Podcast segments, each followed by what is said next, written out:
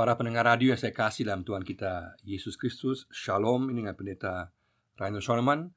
Pada saat ini kita akan merenungkan tema Teladan empat wanita menghadapi kesulitan. Teladan empat wanita menghadapi kesulitan. Kita akan sama-sama membaca dari keluaran Pasal 1 ayat 15 sampai 22 Dan pasal 2 ayat 1 sampai 10 Saya ulangi Keluaran 1 15 sampai 22 dan Keluaran 2 ayat 1 sampai 10. Bunyinya demikian.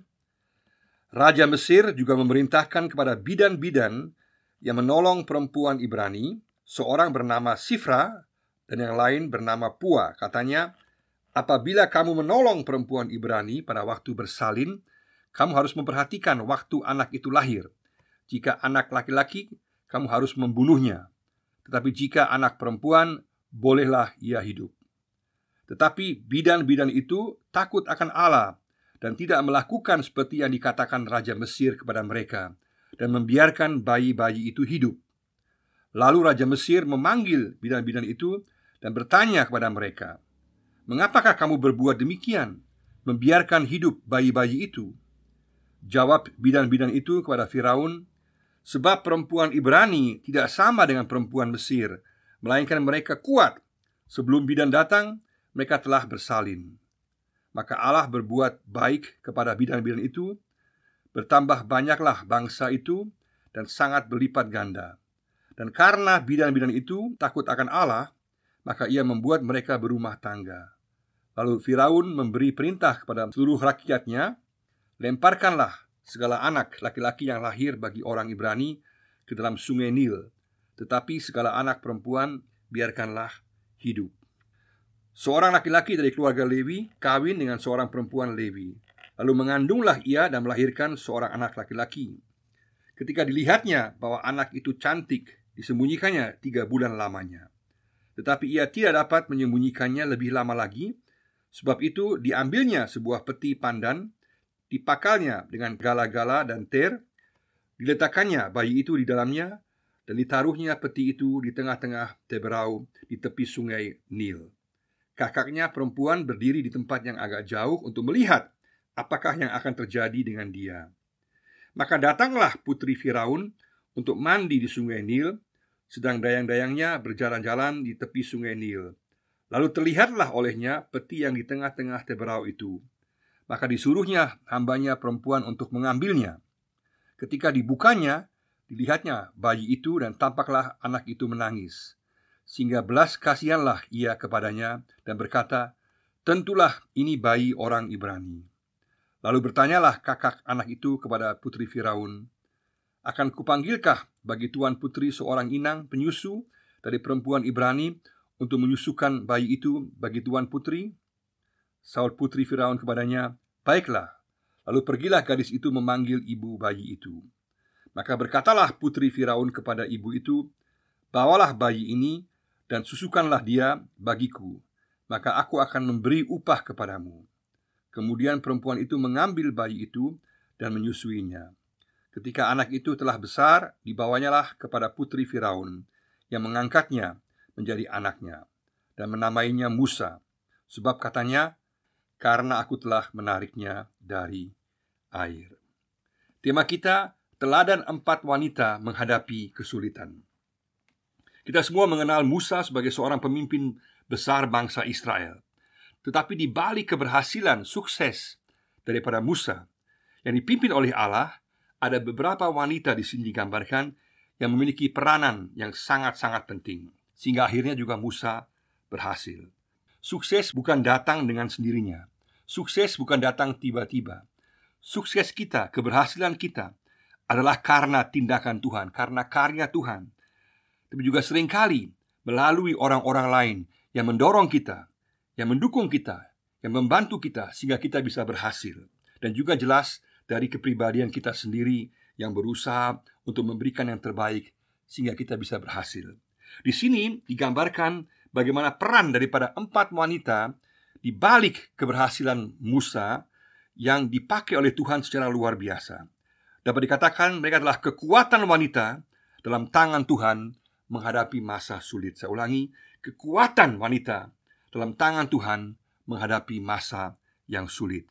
Kita bisa belajar bagaimana keempat kelompok wanita ini mereka menghadapi situasi yang sulit. Sehingga mereka sungguh-sungguh bisa bersifat tidak menyerah. Mereka berjuang habis-habisan. Mereka tidak mundur. Mereka menghadapinya meskipun ada bahaya yang besar yang mengancam mereka. Dan mereka sungguh-sungguh menunjukkan sikap teladan dalam menghadapi situasi yang sulit. Di sini juga digambarkan bahwa tidak ada peranan laki-laki, ayahnya. Amran sama sekali tidak disebutkan di sini, hanya peran daripada empat wanita yang sedemikian dominan dan begitu penting sehingga Musa menjadi berhasil dan dipakai Tuhan secara luar biasa. Tentu Tuhan yang berdaulat, yang memegang kendali dalam perjalanan hidup dan penyelamatan Musa. Namun demikian, perempuan-perempuan ini dalam peristiwa ini memainkan peranan yang sangat penting yang dapat kita jadikan teladan bagi kita. Tiap-tiap pribadi atau tiap-tiap kelompok wanita di sini mewakili satu sikap dan satu tindakan. Ada sikap dan ada tindakan yang membentuk kesatuan sehingga kita bisa lihat ada empat teladan yang luar biasa yang dapat kita pelajari dari teks di sini. Yang sangat penting bahwa kita pahami di awal bahwa apa pun keadaan kita, kita perlu tahu bahwa Allah yang berdaulat, bahwa Allah yang memegang kendali, bahwa Allah yang tetap peduli dan tetap melihat situasi keadaan kita dan Dia yang mengatur. Tetapi pada saat yang sama, kita sebagai manusia juga harus dan dipanggil untuk memiliki sikap teladan yang baik dalam menghadapi situasi yang sulit.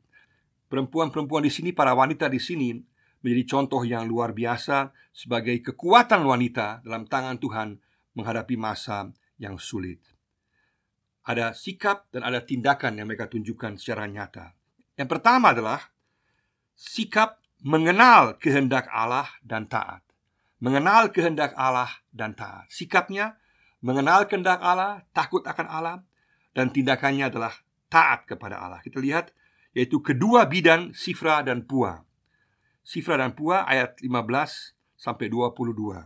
Nah, Sifra dan Pua adalah bidan-bidan yang digambarkan mereka takut akan Tuhan dan mereka enggan membunuh bayi-bayi Ibrani meskipun hal tersebut bertentangan dengan perintah Firaun kita baca dalam pasal 1 ayat 17. Mereka jelas-jelas menentang perintah daripada raja Firaun karena mereka tahu bahwa kehendak Tuhan bahwa tidak boleh membunuh. Mereka takut akan Tuhan. Mereka lebih takut kepada Tuhan daripada takut kepada perintah daripada raja Mesir. Maka pengenalan akan kehendak Allah, takut akan Tuhan merupakan dasar dalam menghadapi situasi yang sulit. Apa pun keadaan kita, yang menentukan adalah mencari kehendak Allah, bukan mencari jalan pintas, bukan mencari pertolongan dari kuasa-kuasa lain, bukan berusaha dengan cara kita sendiri, tapi sungguh-sungguh mau mengetahui apa yang merupakan kehendak Tuhan. Dan setelah mengetahui kehendak Tuhan, takut akan Tuhan, maka langkahnya, tindakannya adalah taat kepada apa yang Tuhan katakan. Dan sangat nyata dalam kehidupan Sifra dan Pua, mereka sungguh-sungguh kemudian mereka taat. Mereka tahu bahwa itu berlawanan dengan kehendak Tuhan untuk membunuh bayi-bayi. Dan kemudian mereka taat. Apa yang mereka buat? Mereka menjadi cerdik seperti ular dan tulus seperti merpati sesuai dengan perkataan Yesus di Matius 10 ayat 16b. Apa yang mereka buat? Mereka tidak membunuh bayi-bayi itu, mereka datang terlambat dan mereka kemudian katakan kepada raja Firaun bahwa memang para wanita Ibrani jauh lebih kuat daripada wanita-wanita Mesir sehingga mereka sudah bersalin sebelum mereka datang. Sungguh jawaban yang cerdik, yang pintar menjawab serangan tuduhan daripada raja Mesir. Sehingga mereka karena mereka mengenal kehendak Allah, mereka kemudian taat dan melakukan perintah Allah. Luar biasa sekali. Maka ini juga berlaku untuk kita. Apa pun keadaan kita saat ini, kita perlu tahu situasi yang sulit, apa yang merupakan kehendak Allah. Jangan ikuti kehendak kita sendiri. Jangan cari pertolongan yang lain. Jangan cari hikmat yang lain. Cari hikmat Tuhan dan kemudian taat kepada apa yang Tuhan katakan dan Tuhan akan memberkati ketaatan kita itu. Sini digambarkan kemudian Sifra dan Pua diberkati oleh Tuhan. Mereka kemudian berkeluarga, mereka kemudian memiliki kehidupan bersama-sama dengan Tuhan. Pertama adalah sikap mengenal kehendak Allah dan tindakannya adalah taat kepada Allah. Yang kedua adalah tidak menyerah dan kreatif. Tidak menyerah dan kreatif. Sikapnya adalah tidak menyerah, tindakannya adalah kreatif, yaitu ibu Musa, yaitu Yohebed. Pasal 2 ayat 1 sampai 3. Kita lihat Yohebed yang juga digambarkan dalam bilangan pasal 26 ayat 59 ibu Musa ini, Yohebed ini, sungguh luar biasa. Dia bahkan disebutkan sebagai pahlawan iman dalam Ibrani 11 ayat 23. Karena dalam iman dia kemudian menyembunyikan Musa. Dia sungguh-sungguh tidak menyerah, dia tidak mengeluh, dia tidak kemudian mundur, dia tidak tinggal diam, tapi dia mencari jalan keluar bersama-sama dengan Tuhan untuk dapat menyelamatkan Musa agar anaknya dapat diselamatkan. Bahkan tidak disebutkan nama anaknya karena dia belum tahu apakah anaknya akan hidup, maka tidak diberikan nama kepada Musa. Luar biasa. Di sini kita lihat bahwa ibu Musa yaitu Yohebed mewakili sifat tidak menyerah, tidak mengeluh pada saat situasi sulit, bukan menyerah, bukan mundur, bukan mengeluh, tapi sungguh-sungguh ada motivasi untuk mencari jalan keluar, untuk kreatif mencari solusi dalam situasi yang sulit. Dan ini juga sama berlaku untuk kita, bahwa kita dipanggil pada masa sekarang pada saat kita menghadapi situasi yang sulit, tantangan yang sulit dalam kehidupan sehari-hari kita, dipanggil untuk sungguh-sungguh tidak menyerah, tidak mengeluh, tapi menyerahkan kepada Tuhan, sekaligus juga bersifat kreatif mencari jawaban untuk mencari solusi di tengah-tengah situasi yang sulit. Dia kemudian membuat peti pandan dan ingin menyelamatkan anaknya dan dengan sengaja diarahkan di Sungai Nil kepada arah kepada putri Firaun dan dayang-dayang yang ada di sana. Dia kreatif. Dia tahu bahwa ada harapan bahwa anaknya mungkin akan diselamatkan oleh putri Firaun dan dayang-dayang yang ada di sana. Luar biasa sekali. Dan dia di sini mewakili sifat tidak menyerah dan kreatif. Tuhan mau supaya kita semua menjadi orang-orang yang tidak menyerah di tengah-tengah situasi yang sulit. Tapi menyerahkan kepada Tuhan persoalan kita. Sekaligus kita kreatif mencari solusi bersama-sama dengan Tuhan. Yang ketiga adalah peduli dan berani, peduli dan berani. Sang kakak yaitu Miriam di pasal 2 ayat 4 dan 7.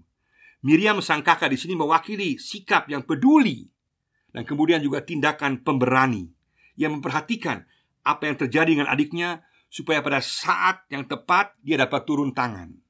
Dia kemudian juga berani bertemu dengan putri Firaun demi perawatan yang baik bagi adiknya, meskipun dia bertaruh nyawa.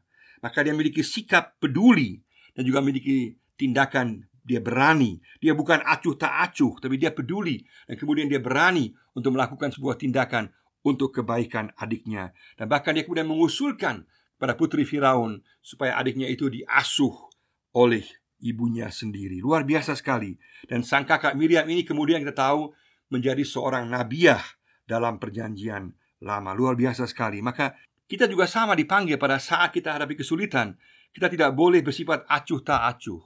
Kita harus sungguh-sungguh peduli kepada situasi yang ada dan sekaligus juga berani, berani untuk menghadap Tuhan, berani untuk menghadapinya dengan kekuatan Tuhan, bukan dengan kekuatan sendiri, tapi bersama-sama dengan Tuhan menghadapi situasi yang sulit tersebut. Karena Tuhan menjanjikan bahwa Dia akan menyertai kita dengan kekuatannya, dengan pertolongannya, dengan penghiburannya, dengan hikmatnya. Maka kita pun juga dipanggil untuk sungguh-sungguh dalam segala situasi yang sulit seperti apa pun memiliki kepedulian, bukan kemudian mundur, tapi sungguh-sungguh peduli dan kemudian juga sungguh-sungguh berani untuk menghadapinya bersama-sama dengan Tuhan. Mari sama-sama kita di tengah-tengah setiap situasi yang kita hadapi saat ini, kita sungguh-sungguh peduli dan juga kita berani menghadapinya bersama-sama dengan Tuhan. Yang keempat adalah belas kasihan dan berkorban. Belas kasihan dan berkorban yaitu putri Firaun pasal 2 ayat 5 sampai 6 dan ayat 8 sampai 10. Di sini Putri Firaun adalah pribadi yang penuh belas kasihan dan tidak memandang asal-usul. Hatinya terbuka. Meskipun itu adalah bayi anak budak, dia tahu bahwa anak itulah anak orang Ibrani. Dia kemudian menjadikannya anak angkat dan memberikan nama Musa yang berarti diangkat dari air. Luar biasa di sini bahwa ada kedaulatan Allah. Tuhan memakai putri Firaun yang bukan orang yang percaya kepada Tuhan, tapi Tuhan pakai dia sehingga sikap teladannya dapat jadi contoh juga untuk kita bahwa dia kemudian sungguh-sungguh berbelas kasihan dan berkorban di tengah-tengah situasi tersebut. Dia melihat bayi itu yang menangis dan dia tergerak hatinya. Hati yang digerakkan oleh Tuhan dan dia kemudian memiliki sikap belas kasihan dan juga bersedia berkorban meskipun dia tahu ini anak Ibrani, meskipun dia tahu mungkin akan dilawan oleh keluarganya, dia berani untuk kemudian mengangkat anak ini menjadi anak angkatnya. Luar biasa sekali. Inilah sikap belas kasihan dan berkorban Maka di tengah-tengah situasi keadaan yang sulit yang kita hadapi saat ini, kita pun juga dipanggil oleh Tuhan untuk sungguh-sungguh untuk memiliki sikap belas kasihan. Tidak boleh menjadi getir, menjadi keras, tapi hati kita harus sungguh-sungguh dilembutkan dalam belas kasihan dan juga bersedia berkorban di tengah-tengah situasi yang sulit. Luar biasa sekali. Musa menjadi Musa yang begitu luar biasa karena hati putri Firaun yang terbuka. Karena Tuhan bekerja melalui putri Firaun dan dia menunjukkan sikap bahwa dia memiliki belas kasihan dan juga kemudian dia berani berkorban untuk mengasuh Musa menjadi seorang pemimpin yang luar biasa. Keempat sikap ini dan tindakan ini adalah teladan yang luar biasa dari empat wanita, kekuatan wanita dalam tangan Tuhan yang menghadapi masa yang sulit. Mari bersama-sama kita belajar dari empat teladan sikap dan tindakan dari empat wanita ini yang luar biasa yang dipakai oleh Tuhan secara luar biasa di tengah-tengah situasi yang sulit. Kita belajar untuk sungguh-sungguh mengenal kehendak Tuhan. Di tengah-tengah situasi kita hadapi, pertama-tama bertanya apa yang merupakan kehendak Tuhan, bukan kehendak kita sendiri dan juga taat kepada kehendak Tuhan. Juga tidak menyerah menghadapi situasi yang sulit, tapi mencari solusi kreatif. Kemudian juga kita peduli di tengah-tengah situasi yang ada, bukan acuh tak acuh. Dan berani untuk melangkah bersama-sama dengan Tuhan. Dan juga memiliki hati yang dipenuhi belas kasihan. Dan juga bersedia untuk berkorban di tengah-tengah situasi yang sedang kita hadapi. Yang paling penting juga kita tahu bahwa Allah yang berdaulat, Allah tetap melihat keadaan kita, Allah tetap memperhatikan kita, dan Allah yang memegang kendali. Apa pun yang terjadi berada dalam kendali Allah. Dan Tuhan juga rindu agar kita memiliki sikap yang bersyukur. Bersyukur untuk orang-orang yang ada di balik sukses kita, keberhasilan kita. Kita jadi seperti kita ada saat ini, bukan hanya karena kita saja, karena Tuhan dan juga karena orang-orang lain yang telah mendukung kita, mendorong kita, membuat kita berhasil. Mari sama-sama kita bersyukur untuk setiap pribadi, setiap orang, mama-mama kita, ibu-ibu kita, semua orang yang telah mendukung kita. Kita bersyukur atas pertolongan Tuhan melalui mereka. Dan sekaligus kita juga menghadapi situasi yang sulit dengan sungguh-sungguh mengenal kehendak Allah. Bertanya apa yang merupakan kehendak Allah di tengah situasi sulit ini. Dan kemudian kita taat pada kehendak Allah. Kita tidak menyerah dan kita kreatif menghadapi situasi yang ada, mencari solusi. Dan kemudian kita peduli tengah-tengah keadaan sulit dan berani melangkah bersama dengan Tuhan dan juga kemudian memiliki hati yang belas kasihan yang juga bersedia berkorban maka Tuhan akan menolong kita di tengah-tengah kita menghadapi situasi yang sulit maka kekuatan Tuhan akan menjadi kekuatan bagi kita telah terbukti bahwa kekuatan Tuhan menjadi kekuatan kepada empat wanita ini yang kemudian berhasil menghadapi kesulitan dengan kekuatan Tuhan. Bersama-sama kita menjadi orang-orang yang sungguh-sungguh meyakini penyertaan Tuhan, kepedulian Tuhan, pertolongan Tuhan, kekuatan Tuhan dalam menghadapi situasi yang sulit. Tuhan memberkati kita semua. Amin.